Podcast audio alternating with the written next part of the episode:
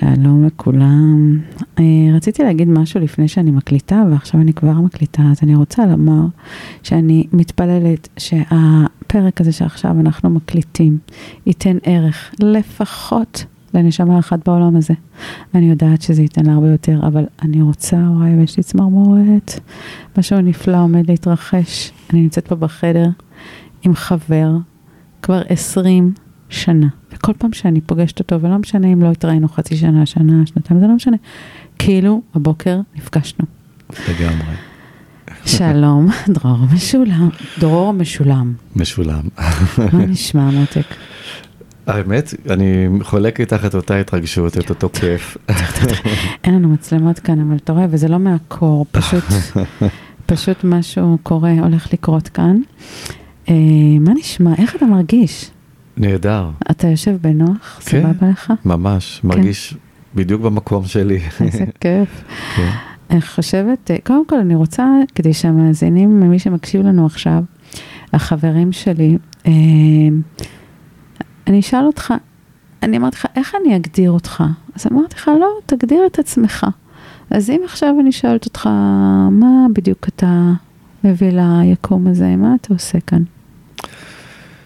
אני חושב שבן אדם שצריך להגיד על עצמו דברים, הוא לא יכול לבוא ולהגיד, אה, אה, אני כזה, כזה, כזה, לא ברמה של הצניעות, אני לא מדבר על זה. כי זה כאילו להוסיף שכבות. ואני חושב שכשאת רוצה לעמוד מול מישהו, את צריכה להוריד את השכבות. ובעצם להגיע למצב שבו את מגיעה לגרעין שלך בעצם מי אני. וזו שאלה שהתחבטתי איתה הרבה המון שנים, גם בסדנאות שאני מעביר ובטיפולים האישיים. אני אומר לבן אדם, מי אתה? ואין הרבה אנשים שמסוגלים לתת תשובה על המקום הזה. כי אם אומרים לי, אני עורך דין, אז יופי, בואו נוציא את זה רגע, אז אתה כלום? אני אימא, אז אני ממש מברך, אבל בוא רגע נזיז את הפרט הזה הצידה, אז לא נשאר מאחורי זה שום דבר. אז במקום שאני אומר צריך להתפשט ולהתפשט ולהשאיר את, ה, את הגרעין, אני הגעתי להגדרה שאני הכל וכלום. אז אמרו לי, איזה משחק מילים נורא נחמד, יופי, מה זאת אומרת הכל וכלום? הכל בפוטנציאל, כל בן אדם יכול לעשות כל מה שהוא יבחר לעשות, לפעמים בדרך הוא יבין שזה לא הדבר המדויק וישנה, אבל באופן, בוא נגיד, ראשוני, הוא יכול להיות הכל. והכלום, זה לא שזה מגמד אותו, זה כלום פחד. כלום התנגדויות, כלום שיפוט, כלום מקום של בעצם ספק. ובעצם להיות בהוויה, להיות במקום שאומר, אה, כמו תדר ההוויה ושם ההוויה, זה, זה להיות מחובר לאלוהות, לאלוהים הפנימי שבתוכנו. אז היום פעם הייתי אומר לך, אני מרצה ואני עושה אה, טיפולים אה, של העצמה אישית והגשמת מטרות, ושאני יכול אה, לנתח עם אנשים בדיוק איפה החסימות שלהם ולתת להם כלים ולגרום להם לפרוס כנפיים. זה לא מעניין, כי אני חושב שאני בעצם מורה דרך לאנשים שרוצים לעשות עבודה בעצמם. לא רוצה לקחת אחריות על אף אחד, רוצה באמת לתת לאנשים את ההבנה שהם הכל וכלום. שהם וואו. יכולים לעשות כל דבר, שיפסיקו לפחד. אני מאמינה לך, ככה הכרנו גם. אז אני נמצאת כאן עם דרור משולם, כל מה שהוא אמר, אני אומרת לכם, זה אמת. אבל אה, אתם, אה, אני מעריכה שגם אנחנו ניפגש ותכף אני אספר לכם איפה, אתם תוכלו לראות אותו בלייב. אה, אם אני רוצה לשאול אותך, אנחנו מדברים פה על הקשבה, אתה יודע שזה מה שאני עושה בחיי. מדהים, מדהים, אני עוקב אחרייך ממיאמי. חוץ מזה שאני גאה כאילו שאת אחותי, את לא כאילו, את אחותי, שבאמת עכשיו עושה, אתה יודע, זה משהו שאני רואה מהצד וגאה בה. אה, זה כל כך אה, מרגש לראות משהו שהוא מתברג לצורך הכל כך גדול שקיים היום ב- ביקום שלנו. אם רק אנשים היו מקשיבים. אנחנו עובדים על זה, דרור, אני ממש כולי אמונה שמשהו טוב עומד להתרחש. ואם אני אשאל אותך אה, את המילה הקשבה, אני אומרת לך עכשיו הקשבה. אינטואיטיבית, איזה אה, מילה אה, או איזה ערך ככה נתגלה לך? מה שעולה לי באופן אינטואיטיבי כשאת אומרת לי הקשבה זה קודם כל חיבור. חיבור. חיבור, כי אני חושב שכשבן אדם מקשיב, מהמם. הוא קודם כל חייב להיות, להיות מחובר לעצמו. כי הדברים החיצוניים שלנו ביחסים שיוצרים אינטראקציה עם בן אדם אחר, משקפים את המקום הפנימי שלנו. ואם אני יודע ללמוד להקשיב למישהו, זה בעצם אחרי בעצם אני מוכיח שלמדתי להקשיב לעצמי. וכשאת יודעת להקשיב לעצמך, 90% מהבעיות בקומוניקציה מראש נפתרו. כן, מדהים. אז הקשבה עבורך זה חיבור. הקשבה זה הדיבור. הפודקאסט שבו תגלו את הדרכים להקשיב. כי כולנו זקוקים לקצת הקשבה, נכון? בהגשת שרי ג'קסון קליין, המקשיבה ויזמת יום ההקשבה הישראלי. אז שתהיה לכם הקשבה נעימה. הקשבה נעימה, איזה כיף. את יודעת מה עולה לי בראש? כן. אנחנו, בטח נספר את זה, אבל אנחנו מכירים, כמו שאת אמרת, 20 שנה, והכרנו בעיר אילת. נכון. שהיא עיר אחרת, היא עיר שיש בה קודים לגמרי שמי שלא גר שם גם לא מכיר אותה, כי אלה שבאים לנופש לא באמת מבינים את העומקים שיש לעיר הזאת, את הרבדים שיש לעיר הזאת. את מכירה את זה רק דרך האנשים שגרים שם, שבאמת לכל אחד יש כבר איזה פזם ב-45 מעלות בערך כל השנה. אה, ואני פתאום חושב על זה שתמיד הקשבת. זה לא חדש לי, מה שאת עושה היום, זה בעצם, אני כבר 20 שנה רואה אותך לא רק, לא רק מקשיבה, גם מתבוננת. והיכולת שלך לראות אנשים פנימה, לא לשפוט, להתחבר, בכזאת אהבה שהיא חסרת תנאי אה, וחסרת שיפוט בעצם, אה, היא, היא, היא בעצם בסיס הכי טבעי למה שבעצם היום כבר אה, כתבת את הפירות שלו במילה הקשבה. מה זה הקשבה בשבילך במילה אחת? בטח אמרת את זה הרבה פעמים, אני לא שמעתי. אתה יודע, אני עניתי על התשובה הזאת כל פעם משהו אחר, אבל עבורי בעיקר זה אמון. כי כשיש לי אמון, והאמון שיצרה אצלי המורה שלי, אז uh, אני פשוט יכולתי לשתף אותה, גם הדברים המאוד אישיים. אני עוד פעם אחזור על הרעיון הקודם שהעליתי פה, שגם אמון לא יכול להיות אמיתי אם אין לי את האמון בעצמי. כי תמיד הבסיס הוא חייב להיות מפנימה החוצה. Mm-hmm. זה ואהבת לרעך כמוך הרוחני, כי גם במילה הזאת שכולם מצטטים שהתמצית התורה שלנו, אפילו לא במקום הדתי, אלא במקום הרוחני, הרעיוני, הדגש הוא על הכמוך. כי אני, זאת אומרת שאם אני אוהב את עצמי, אין לי בעיה מולך. אם אני לא אוהב את עצמי, את תשקפי לי את זה כל הזמן ואני אאשים אותך. Mm. אז היחסים שלנו יהיו על סרטון תמיד עם פוטנציאל לתקלות, למראות משבשות, להשלכות שאני עושה מתוך המקומות הפטורים שלי, שאת רק משקפת לי, את לא שמת לי אותם שמה, לא גרמת להם, את רק כמו מראה שמראה לי את החדשקון שלי ואני שובר אותה כי אני לא אוהב את מה שאני רואה. אבל זה לא המראה. בסופו של דבר, אה, המקום הפנימי שלי, שאם יש לי כבר אמון בעצמי, אני מאמין בעצמי, אני שלם עם עצמי, ואני רוצה תמיד לסייג את ההבדל בין מושלם לשלם. מושלם אין, מי שמושלם, שיפרוס כנפיים, אין לו מה לעשות פה יותר, מברך אותו. מי שאנושי, ואני לא מוותר בחיים על האנושיות, כי זה בעיניי המתנה הכי גדולה שקיבלנו, יש לו הרבה מאוד זוויות, שחלקם הם משתכללות ככל שיש לנו ניסיון חיים, ככל שאנחנו עוברים דברים, ככל שאנחנו בוחרים ומשתנים. שזה מקסים, זה הלימוד, הרעב הזה האינסופי, להתפתח, לצמוח, כל הזמן להגיע למקום שהוא עוד יותר משופר. אבל המקום שאומר, אני אוהב את עצמי, אני מקבל את עצמי כמו שאני, עם החולשות. כי אם יש לי דברים שהם לא טובים, אני אשנה אותם, כי כל מי שיבוא ללמד אותי, לעשות בשבילי, לטפל בי, אם אני לא אני אעשה את זה מבפנים, שוב, כן. זה לא יקרה באמת. Mm-hmm.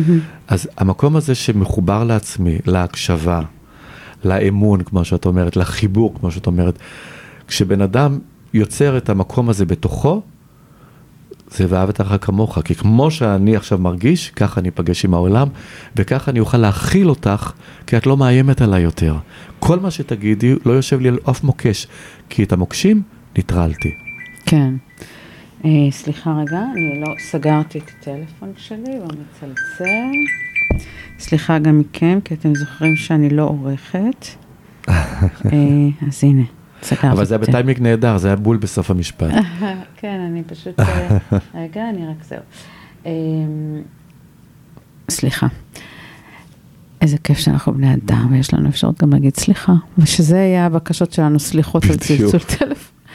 Uh, אני רוצה לשאול אותך, אני, כשאני הכרתי אותך, אתה בעצם היית מורה רוחני ומתקשר, וגם אפילו אני uh, יכולה לספר שגם תקשרת לי, שאמרתי, מה הוא אומר, מה זה, והכל קרה. Uh, ואני, כל, גם התקשורים שעשית עבורי, זה הכל היה בקטע חברי כזה, שאני לא הלכתי וחיפשתי והכל יצא כזה. ואני רוצה לשאול אותך, יש המון המון אנשים שמסתובבים בעולם, וכמו שאתה אומר, הם לא אוהבים את עצמם מספיק, ואתה אומר, מה, היא יפה, היא מוכשרת, או פוחדים, שאני בשלבים האלה של הפחד תמיד אומרת, תודה רבה, אה, אבא, שפחדתי ממך פחד מוות, ואני לא מכירה את המושג הזה אחרי שיצאתי מבית הוריי. אז כאילו היה לי מין אומץ כזה להכיל את הכל. זאת אומרת שתראי איזה מתנה ענקית אבא שלך נתן לך. לכאורה, כן. לא, לא לכאורה. כי הדרך לקבל את התובנות שלנו היא מאוד מגוונת. לפעמים זה יכול להיות בדרך הקלה, ולפעמים זה יכול להיות בדרך שהיא uh, מאתגרת אותנו. אבל התוצאה בשורה התחתונה, זה שאת אומרת לי באותה נשימה, ויתרתי על הפחד. זאת אומרת, הוא עזר לך להגיע למקום ששחרר את הפחד. נכון, על ידי העצמה שלו. על ידי המקום החווייתי, שהוא לא תמיד היה נעים, מסתבר כנראה, כי המילה פחד היא לא... היה שואה. כן.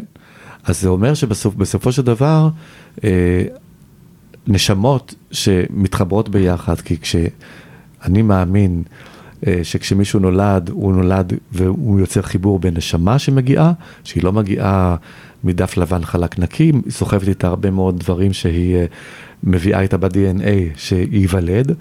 ואת הצרכים, את המטרות, את השיעורים, את כל, ה, את כל התוכן עניינים הענק, והיא נכנסת לתוך גוף. היא בוחרת איפה להיות, היא בוחרת את האבא, את האימא, את האחים, את, המ, את המיקום. נותנים לה כמה תסריטים וממליצים לה, בגלל שהיא רוצה לעבוד על דבר מאוד מוגדר, איפה יהיו לה את התנאים הכי טובים. התנאים הכי טובים זה לא על מגע של כסף, זה דרך הלא מה כן, זה דרך החוויה של הפחד, תביני שאת צריכה לעבוד עליו. ודרך החוויה של הפחד שעבדת עליו תוכלי גם לשחרר אותו. אלה שלקחו על עצמם להיות המורים שלנו, לפעמים זה תפקיד כפוי טובה, כי אנחנו כועסים עליהם, שונאים אותם, אה, אה, מאשימים אותם, ובסופו של דבר כנשמה. לא נדבר בחושים האנושיים. כן. בחושים האנושיים יש לנו את הכעס ואת הפחד ואת, ה, ואת כל הדברים שבאגו שהם לגיטימיים גם לבוא ו, ולצאת מדעתנו ולהגיד לא רוצה את זה ולמה זה קרה ככה. במקום הנשמתי אין ניואנסים בכלל של שיפוט. אין הבדל בין טוב ורע, אין טוב ורע, הכל טוב, כי אם אנחנו באנו ללמוד ודרך זה למדנו, זה כבר הפך להיות טוב. זאת אומרת שאנשים שבאו לקחת תפקיד כזה כפוי טובה, שאנחנו תמיד נכעס עליהם, ובסופו של דבר הם לא ויתרו. זאת אומרת, התפקיד שלהם היה מאוד מוגדר, וככל שאנחנו בעצם הרגשנו קורבנות, הם היו צריכים להמשיך לקרבן אותנו. עד שאמרנו אני לא קורבן יותר, והם סיימו את התפקיד שלהם גם. ובאיזשהו מקום, להם אני אומר תודה, כי מהם למדתי הכי הרבה. וואו. תשמע, יש, יש אה, ילדים כאלה שיכולים לבחור ממקום של כאוס, או אפילו ניצולי שואה, שהם מתוך כאוס הפכו לחיים, בחרו בחיים טובים יותר, ויש גם כאלה שסובלים כל חייהם. אז אני, ומלקים את עצמם מה שקרה, והם לא שהם לא בוחרים בחיים קשה, אני רואה באמת אנשים שקשה להם. אני לא סתם נגעתי בנושא של ההקשבה, כי אני, כמו שאתה אמרת, זה מדויק, כי בגלל מה שקרה לי, זה אפשר לי כן, העוצמה של החוויה שאני חוויתי כמקשבת. הבסיס. להיות המקשיבה מספר אחת של מדינת ישראל. אה, הלוואי. זאת אומרת, לא, זה, זה נכון, זה לא סתם בנה לך DNA שבסופו של דבר יצר מציאות. המקומות שיצרו את ההתעסקות הזאת בכלל, את התשומת לב למקום הזה, את הזיהוי הצורך, את המקום שנתן לזה אפילו הרגשה שזה פתרון למשהו, הוא היה חייב לבוא קודם כל דרך הלא בכדי להבין מה כן. מי שלא יודע מה זה שנאה, לא יבין מה זה אהבה. מי שלא יודע מה זה בדידות, לא יעריך את הביחד. Mm-hmm. הכל אצלנו הוא אמצע של שני קצוות, וכשאנחנו לומדים את זה, אז מעבר לזה שאנחנו רוצים חיים מאוזנים, אנחנו אוהבים את שני הקצוות באותה מידה, כי אין, שם, אין, אין, אין ירח בלי שמש. כן, אין. וואו. זה, כן, זה מדויק עבורי, אבל אני רוצה אה, לשאול אותך, כי תמיד אנחנו חוזרים אליי ואני פה בשביל אה, להקשיב לך. אני דרך אגב, אה, כל יום לומדת עוד ועוד ללמוד, אני, להקשיב. אני לא מקשיבה מספיק טוב עבור עצמי, גם אם אנשים אומרים לי, וואו, אני לא, אני כל יום לומדת עוד, זה מין שריר כזה. לגמרי. כי הדבר שהכי אנחנו רוצים זה להגיד את מה שיש לנו, ואני אומרת, תנשמי רגע, תקשיבי, תקשיבי, תקשיבי, ואני כל יום לומדת להקשיב. אני מתאמנת על זה. אני רוצה לשאול אותך, אה, אתה עזבת אותנו לטובת מיאמי, בוא כן. נגיד, עברת למיאמי, לא עזבת אף אחד, ואחרי הרבה שנים שאתה היית בארץ, ובחרת לחיות במדינה אחרת. ואני רוצה לשאול אותך, מה אתה עושה שם? כי כאן אני יודעת מה עשית, היית מורה רוחני, ועשית הרצאות, ומתקשר, וכל השאר. האם אתה עדיין עושה את אותם דברים שם? גם. אני התפתחתי לעוד מקומות שבעצם המקום זימן לי. קודם כל זה, זה כבר אה, דז'ה וו, זה שידור חוזר, כי גם גרתי 12 שנים בפריז לפני זה. אז בחיים שלי יש אה, מצב שהוא באמת הרבה פעמים אה, כבר מבין שהבית הוא איפה שאת אה, שמה את השורשים, כמו עציץ. אוקיי. ו, ו, וזה אף פעם גם לא צריך להיות עם הגדרות. כי זה שאני גר במיאמי, אני מתעסק עם ישראל על בסיס יומיומי, גם העבודה שלי שם היא קשורה באמת ב, בכל מה שאפשר לעזור, כי אני? מתעסק, אני מנהל עמותה שמארגנת uh, המון תרומות דרך זאת שאני מייצג, יש שם לעמותה? שזה... Bridge of Love, גשר של אהבה. וואו, איזה שם מקסים. כן, תודה. אוקיי. והיא באמת גשר. והיא גשר להרבה ארגונים שבאמת במקום שיהיה תחרות ביניהם וחוסר תיאום, שיהיה באמת איזה גג שנותן לכולם את האפשרות לתמוך אחד בשני ולהעצים אחד את השני, לא לשים רגליים או להתחרות. ומצד שני, אה, לארגן את כל התרומות הכספיות בעיקר, שממילא יצאו דרך אותה אישה שאני עובד איתה לכיוון מדינת ישראל. זה יכול להיות בתי חולים, חיילים, אה, חיילים בודדים, אה, חינוך. לממן להם למשל ארבע שנים באוניברסיטה או שבע שנים רופאים, מלגות, אה, המון דברים, אה, ילדים חולי סרטן, אין, בתי, אה, באמת, רק just name it, אין, אוקיי. כל כך הרבה צרכים יש, שאותה אישה שביקשה ממני לנהל את העמותה, היא בעצם רצתה לנהל את הכל תחת השליטה שלה. כי היא הבינה שארגונים מסוימים חייבים ליצור גם הוצאות של משרד, של משכורות, והיא לא רצתה להגיע למצב שאם היא נותנת איקס כסף, רק 50 אחוז הולך לתרומה, היא רצתה שזה יהיה 100 אחוז. אה, אז אני היחידי שמקבל משכורת בעמותה הזאת, זו עמותה ללא מטרות רווח, ואנחנו מתעסקים בהעצמה של הרבה מאוד הרבה מאוד גופים. וגם במיאמי אנחנו התמקדנו בשני נושאים, אחד זה העצמה של משפחות עם ילדים עם צרכים מיוחדים, דגש על אוטיזם. גם שם במיאמי? כן, גם חינוך, שיוצר להם בשיטה מאוד מאוד מאוד חדישה ומוכחת יכולת לתקשר. ישראלים אתה מדבר? אנחנו מתעסקים עם משפחות יהודיות בפרויקט הזה, זה הבחירה של זה שהקים את השיטה. ואנחנו גם מתעסקים בהפקה של אירועים שגם כן יוצר, יוצרים גלות שגם מייצרים אה, הכנסות כספיות וגם אה, קושרות את התרבות העברית הישראלית אה, למיאמי. אז יש לנו תיאטרון ישראלי שאני מביים ו- ומנהל. יש לנו גם מופעי מוזיקה, כי גם את יודעת שבעברי גם שרתי. רגע, ו- רגע, מה זאת אומרת תיאטרון? תיאטרון, תיאטרון ישראלי. שם במיאמי. תיאטרון בועט וחי עם ישראלים, רק זה דובר עברית. עכשיו כבר יש לנו אה, בקשה אה, לתרגם את זה, זה יהיה בעברית, אבל עם, עם תרגום סימונט, מה, סימונטני. הצגות? הצגות. מה? הצגות. אנחנו עבר, עבדתי עם אה, יוצרת שקוראים לה דורית פלד הרפז, שהיא אה, קומיקאית, כותבת, שחקנית, מדהימה ומוכשרת. אה, פה בישראל, והיא כותבת מחזות שאני מחובר אליהם ממש, אני כל כך אה, מחובר לסגנון כתיבה שלה, לחשיבה שלה. והיא נתנה לי את כל המחזות שלה, אה, זכויות היוצרים להעלות את זה בארצות הברית, העלינו כבר ארבעה מחזות שלה. אה, בהצלחה מדהימה, ובאמת היא כותבת מקסים, וגם מאשרת לי, כי היא חברה, לעשות עם זה מה שאני רוצה, גם אם אני משנה או מוסיף. בדרך כלל, את יודעת, את מתחייבת לא, לא, לא לשנות מילה. פה ה vision ששנינו מתחבר ומאוד משלים אחד את השני, כי ההומור שלנו דומה, אז אין לה בעיה שאני אוסיף פה בדיחה, שם בדיחה. ונוצר משהו מאוד, אה, מאוד אה, ספציפי לתיאטרון שלנו. וזה מקסים. אנשים שגרים שם, לא מקצועיים, שאני מביא אותם לרמה באמת, בסופו של דבר, עכשיו זה מצחיק. לא. כי גם כשעבדתי פה עם שמיניסטים לפני שהם מתגייסים לצבא, עשיתי איתם את הצגת סוף השנה של י"ב. אוקיי. יופי, ההצגה הייתה מה- מהממת. יש לי יכולות ויש לי ידע ואני בא מהתחום הזה ותמיד יהיה לי את האפשרות להעניק להם דברים שלהם יראו וואו. אוקיי. זה לא עניין אותי בפני עצמו. עשיתי להם שלושה חודשים סדנת מודעות עצמית. לקחתי בדרך כלל את האנשים שהכי לא מסתכלים עליהם והכי שקופים והם היו אצלי הכוכבים. ופתאום בן אדם שמרגיש שאין לו שום ביטוי ושום ביטחון עצמי, פתאום הוא מרגיש שמסתכלים עליו, שמעריכים אותו, פתאום מרגיש שווה.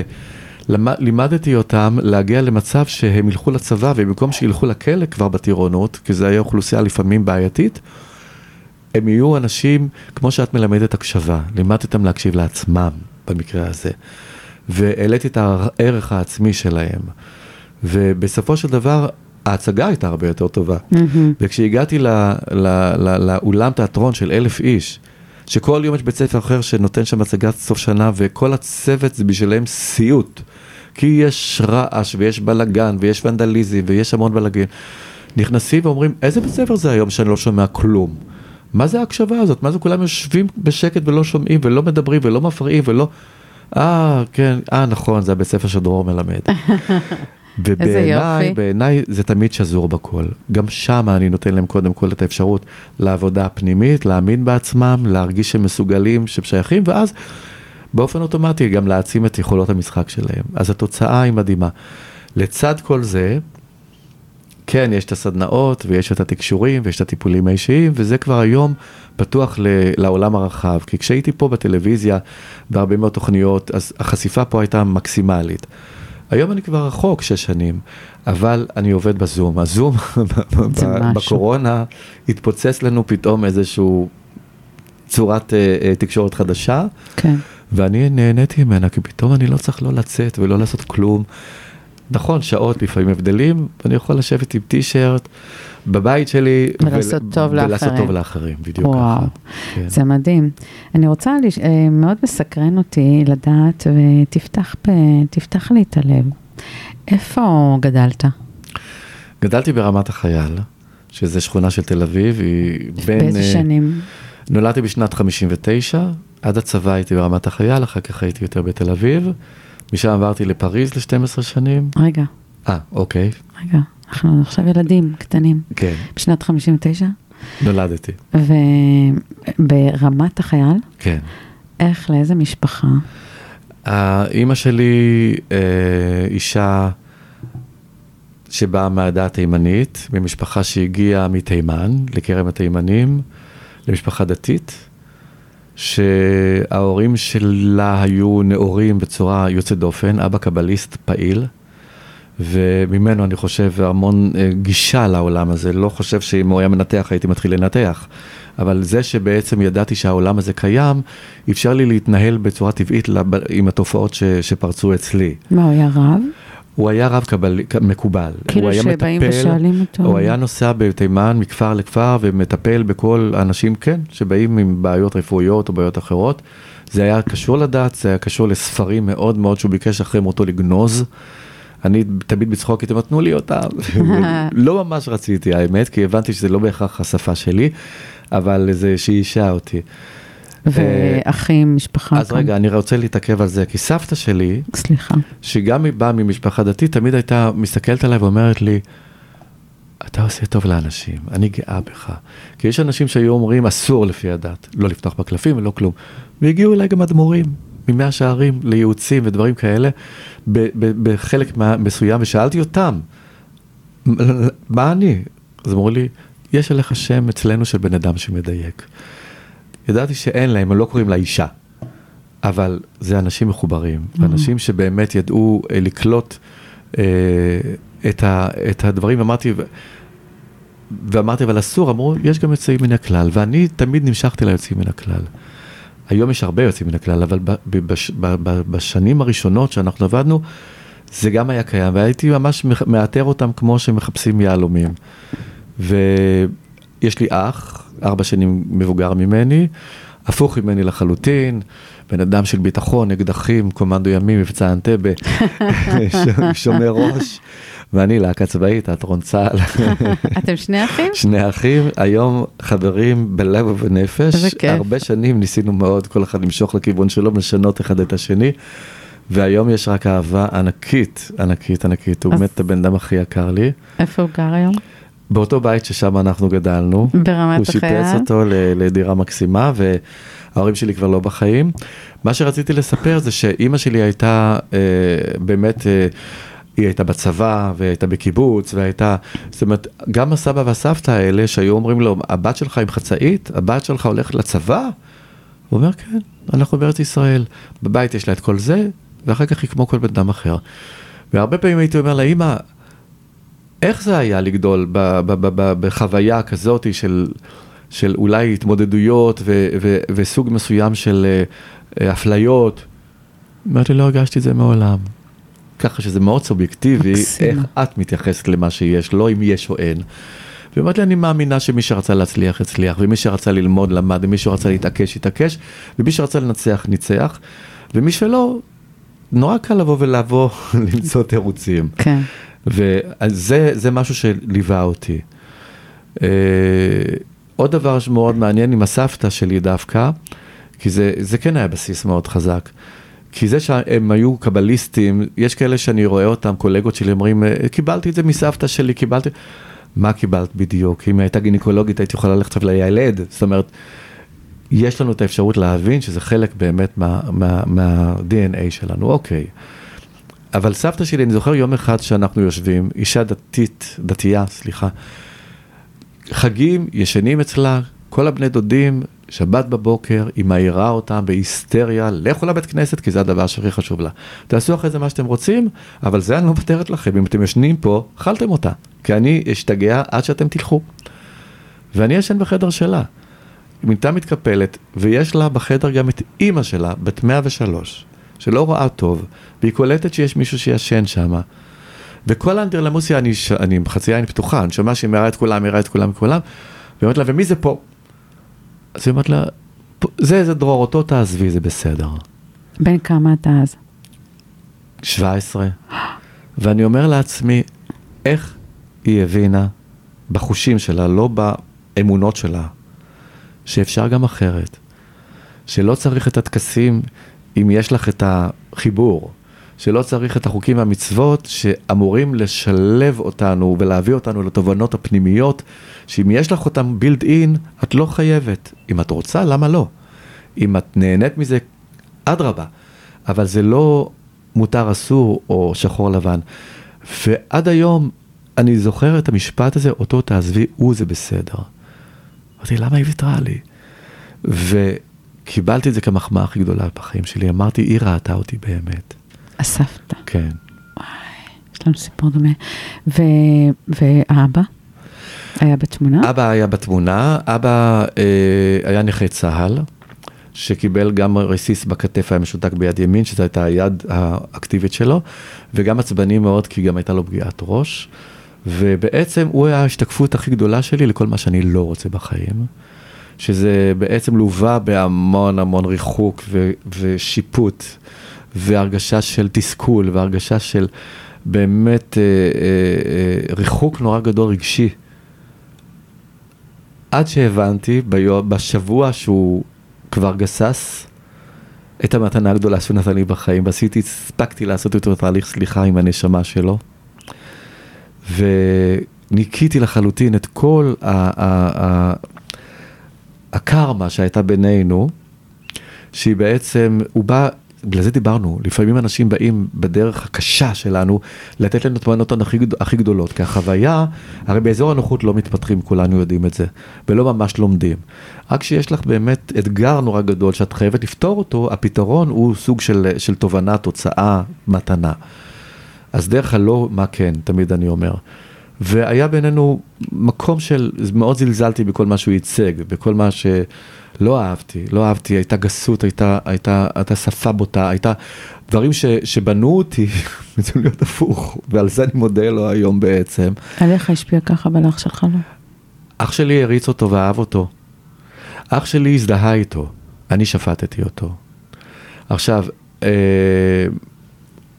כשהבנתי, ממש יחסית בתקופה מאוחרת, שכבר הייתי לחלוטין בתוך הרוחניות והמיסטיקה ועשיתי עבודה מאוד עמוקה עם עצמי, הבנתי שיש לי אליו היום, זה לקח זמן, וזה יותר ב, לא בחייו מאשר בחייו, אהבה גדולה, קשר מאוד גדול, גם היום שאני חושב עליו, הלב שלי חם ממש, ואני מבין את, ה, את הקורבנות.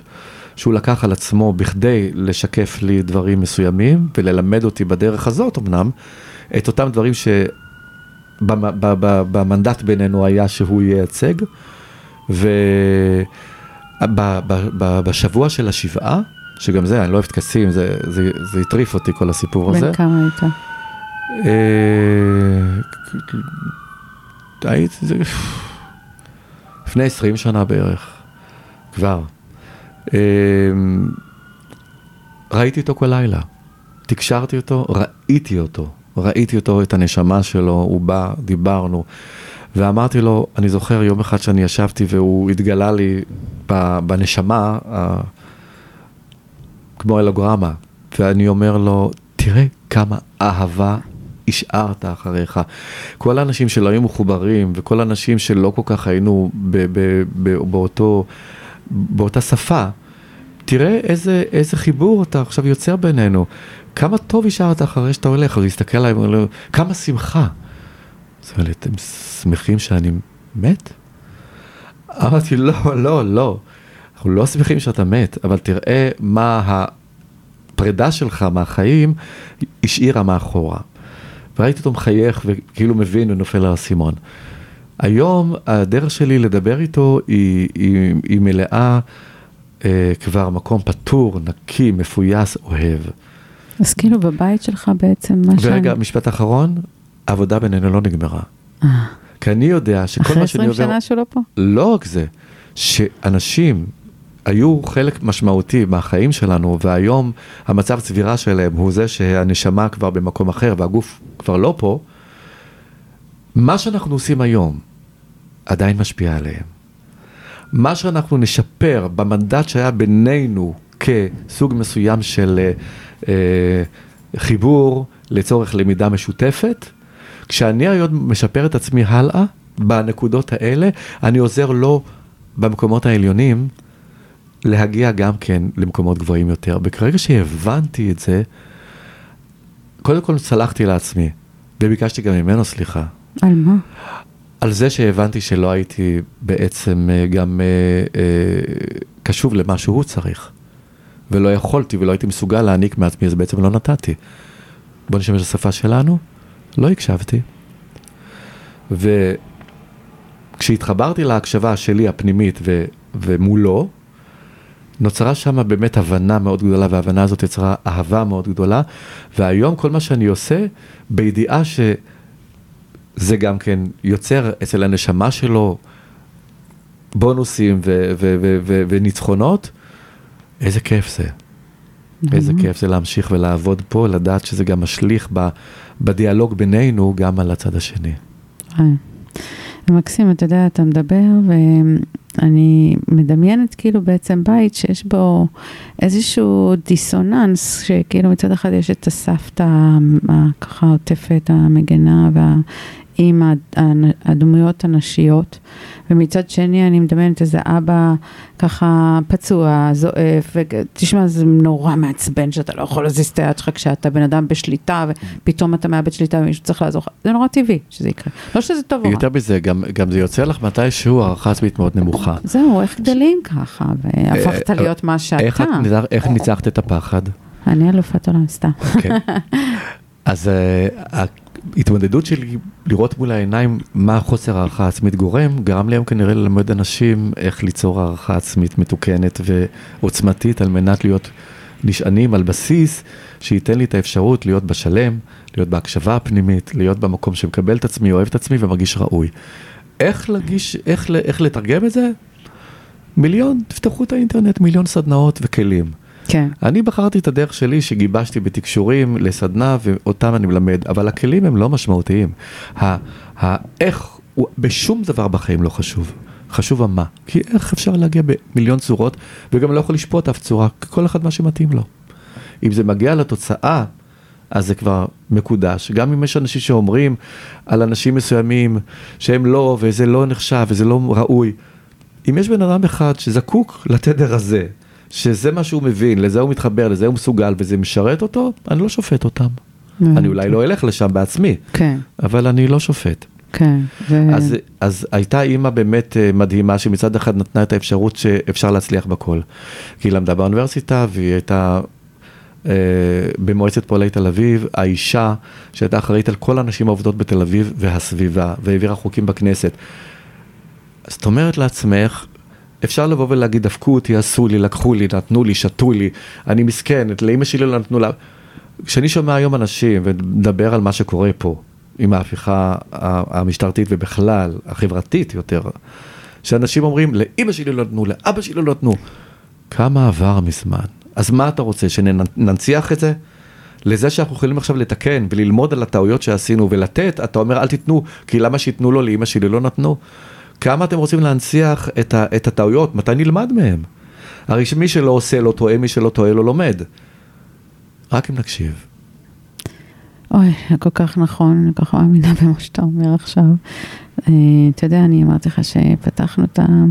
שאנחנו נדבר 30 דקות, אנחנו כבר 36 ואני יודעת שאנחנו יכולים להפליג אותי. כן, אנחנו, זה לא חדש, 20 שנה. כן, אני רוצה, אבל אני רוצה לתת, אה, אני מאמינה שעד עכשיו נתנו די הרבה ערך, אבל האם יש משהו שאתה רוצה לשתף אותנו ככה לפני שאנחנו מסיימים?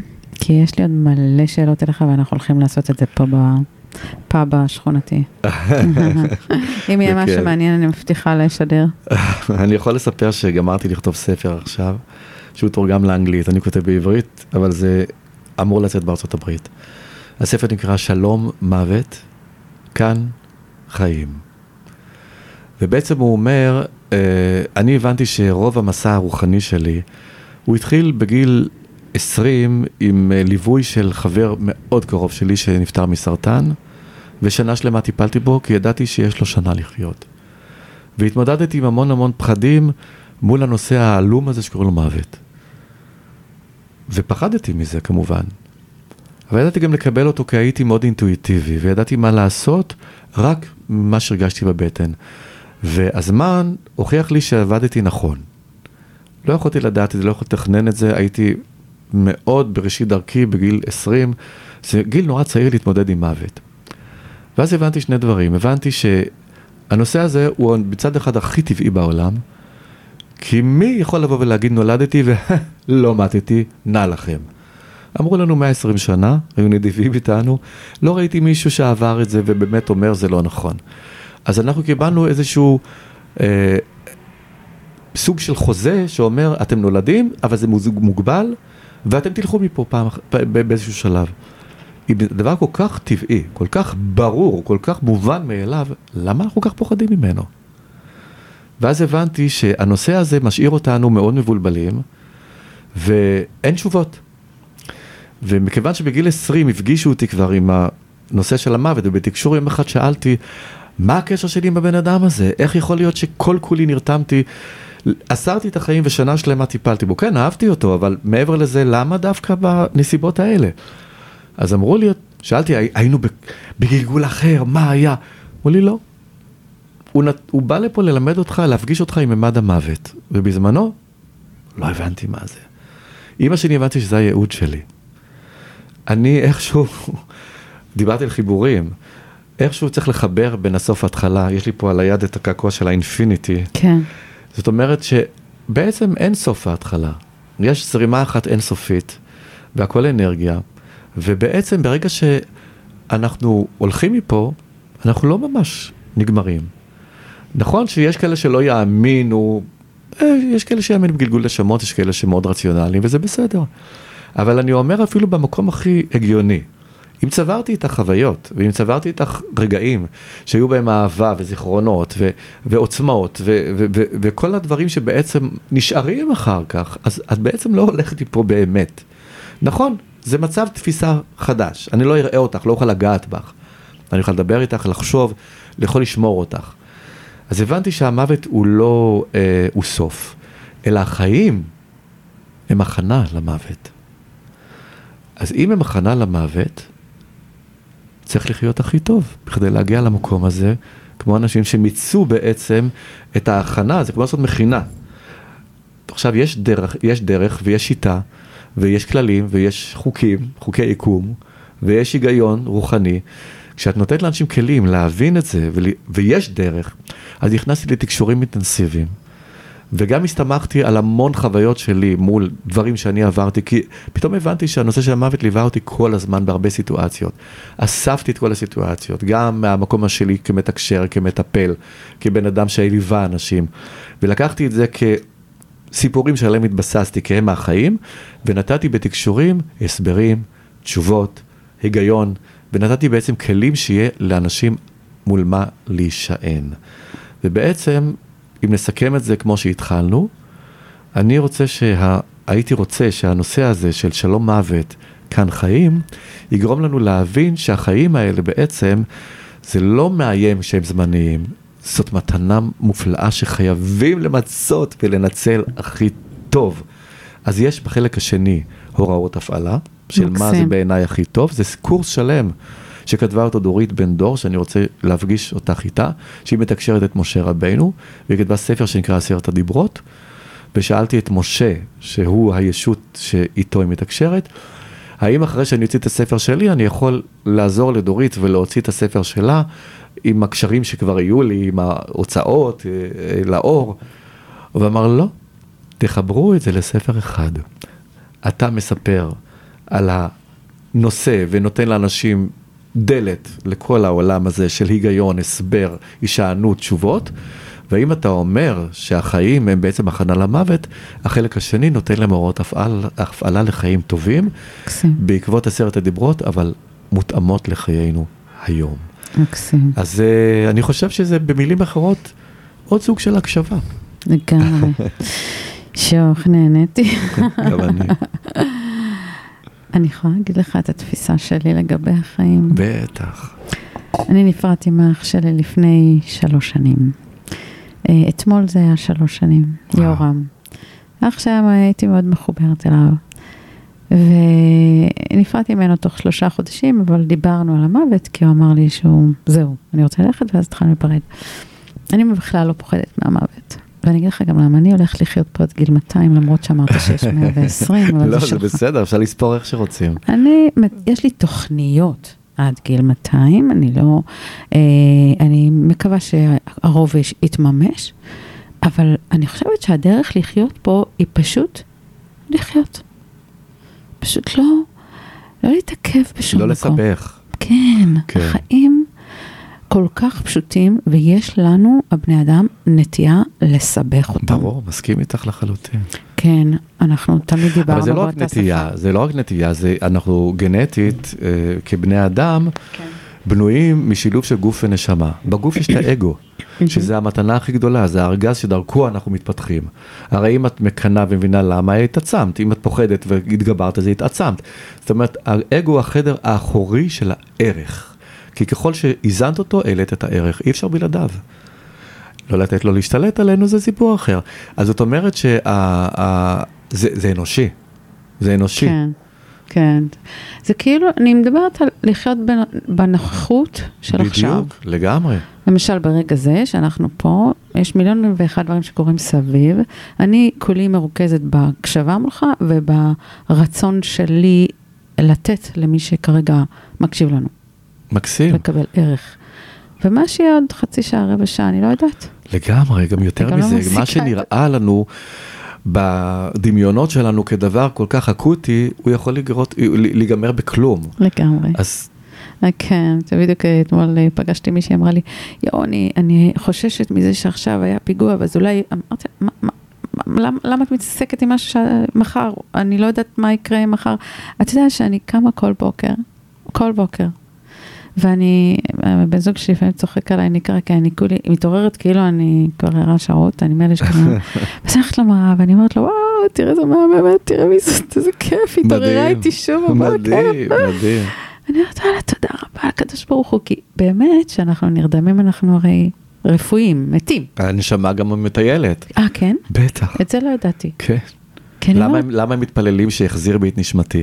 נכון. כי הנשמה הולכת, כן. לעולמות אחרים, יש לה תפקידים, יש לה משימות, כן. והיא כמובן חוזרת. אז אוי, אה, מדהים. כן. אז אני רוצה להגיד לך תודה רבה. שבאת. לכאן ושהיית איתי ואנחנו כל, איך אני אומרת, תודה, כל הערב לפנינו. אנחנו נמצאים כאן אצלנו בבית ביפו. בבית אה, המהמם, אני חייב לספר לכם, כי שרי ג'קסון היא... קליין. שרי ג'קסון קליין. היא, טוב, אני הכרתי אותך עוד נכון. ג'קסון. נכון, קליין, אני גם מכיר את מי שהביא את הקליין והוא מקסים לא פחות. אמ, יש, אמ, יש איזה משהו בצניעות שלך שאולי גורם לאנשים לא להכיר אותך עד הסוף, אבל אני יכול לספר גם כן, שאחד הדברים ה- הייחודיים, שזה זה, זה, זה מגע של מלאך, זה, אני חושב, לא יודע באיזה שלב בחיים שלך זה, זה הגיע, אני כבר הכרתי אותך עם זה. היכולת שלך להסתכל לאנשים בעיניים, לקרוא אותם כמו רנטגן, את הנשמה שלהם, לא עכשיו להתחיל לנתח אותם או להביא אותם כמטפלת, אלא להביא אותם כבן אדם שהוא בא עם טוהר רגשי, עם אהבה ללא תנאי, לקלוט את הטוב, להתחבר לטוב הזה בתוכך ולהעניק להם ולהעצים אותם פי עשר. זה התחושה הראשונה שנתת לי כשהכרנו לפני 20 שנה באילת, ובאתי לעשות סדנה במקום שבו את היית המעצבת הגדולה ביותר של המקום הזה, והאסתטיקה שאת הבאת לחיים האלה, שם זה יכול היה להיות מפרחים או, או, או, או מכל מיני עיצובים. פה את מעצבת נשמות, אנשים. זה דבר שהוא, הוא, אני אישית, האהבה שלי אלייך, החיבור שלי אלייך, התחיל בשנייה הראשונה, ובאותה עוצמה מאז עד היום. יש לך מתנה. הסתפקתי עד עכשיו לא לה- לה- להשתיק אותך, כי אני באמת, באמת קשה לי לשמוע עליי. אבל זה. נכון. תודה רבה, ריגשת? רגע, עוד פעם אני בוכה לכם, סליחה. אבל זה נכון. תודה רבה. אמ, אז אני שוב אומרת לך תודה, דרור משולם, שבאת והתארחת כאן, ולכם אני מודה שוב לכל מי שכותב ומספר לי שהוא נהנה מהפודקאסט וקיבל ערך. וגם מי שלא מאמין ואומר, מה, אין מתקשרים, אין עולמות. אני בן אדם עם רגליים על הקרקע.